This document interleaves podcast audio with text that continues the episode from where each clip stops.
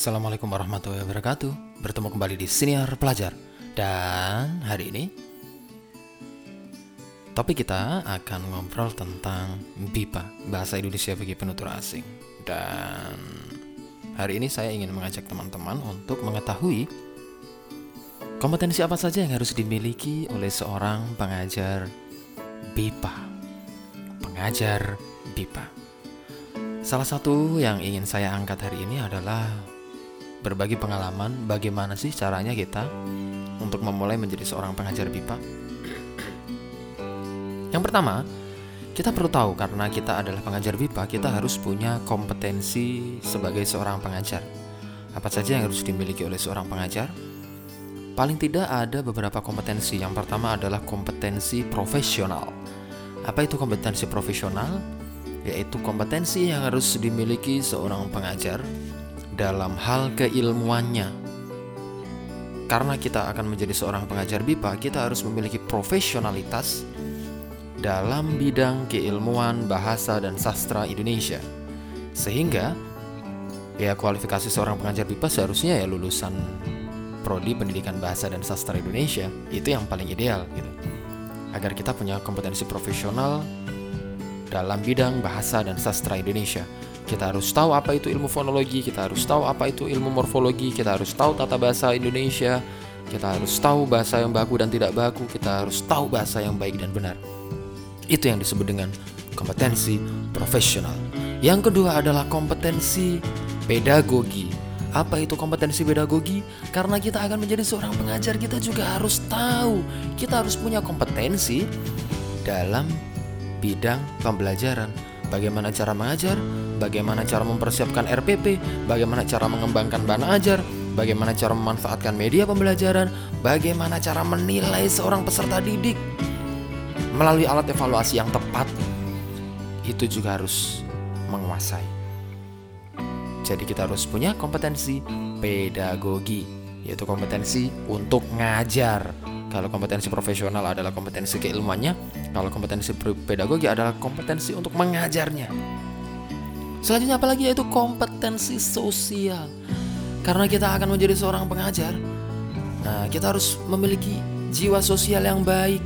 Bagaimana memperlakukan seseorang, bagaimana cara bertemu dengan orang lain, bagaimana berinteraksi dengan seorang pembelajar. Nah, itu yang disebut dengan kompetensi sosial.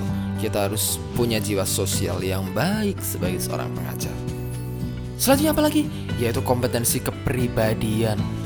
Kita harus menunjukkan kepribadian seorang guru, seorang pengajar dengan cara yang baik. Apa wujud dari kompetensi kepribadian?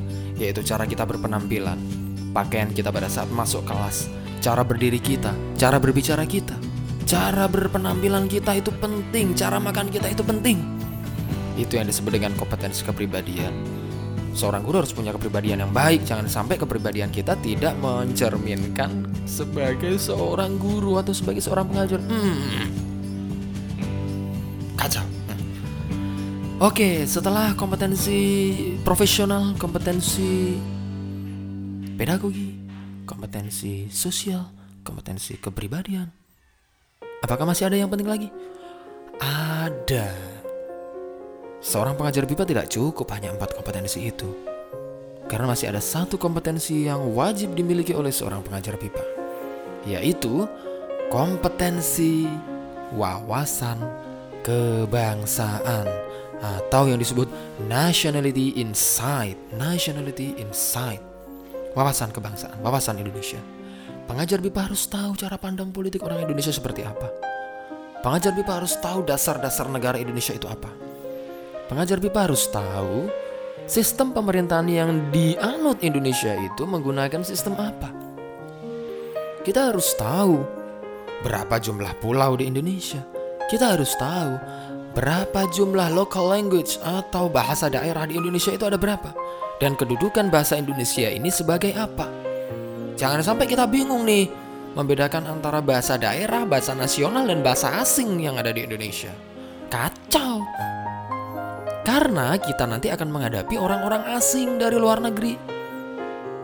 Dan mereka akan melihat kita sebagai Indonesia.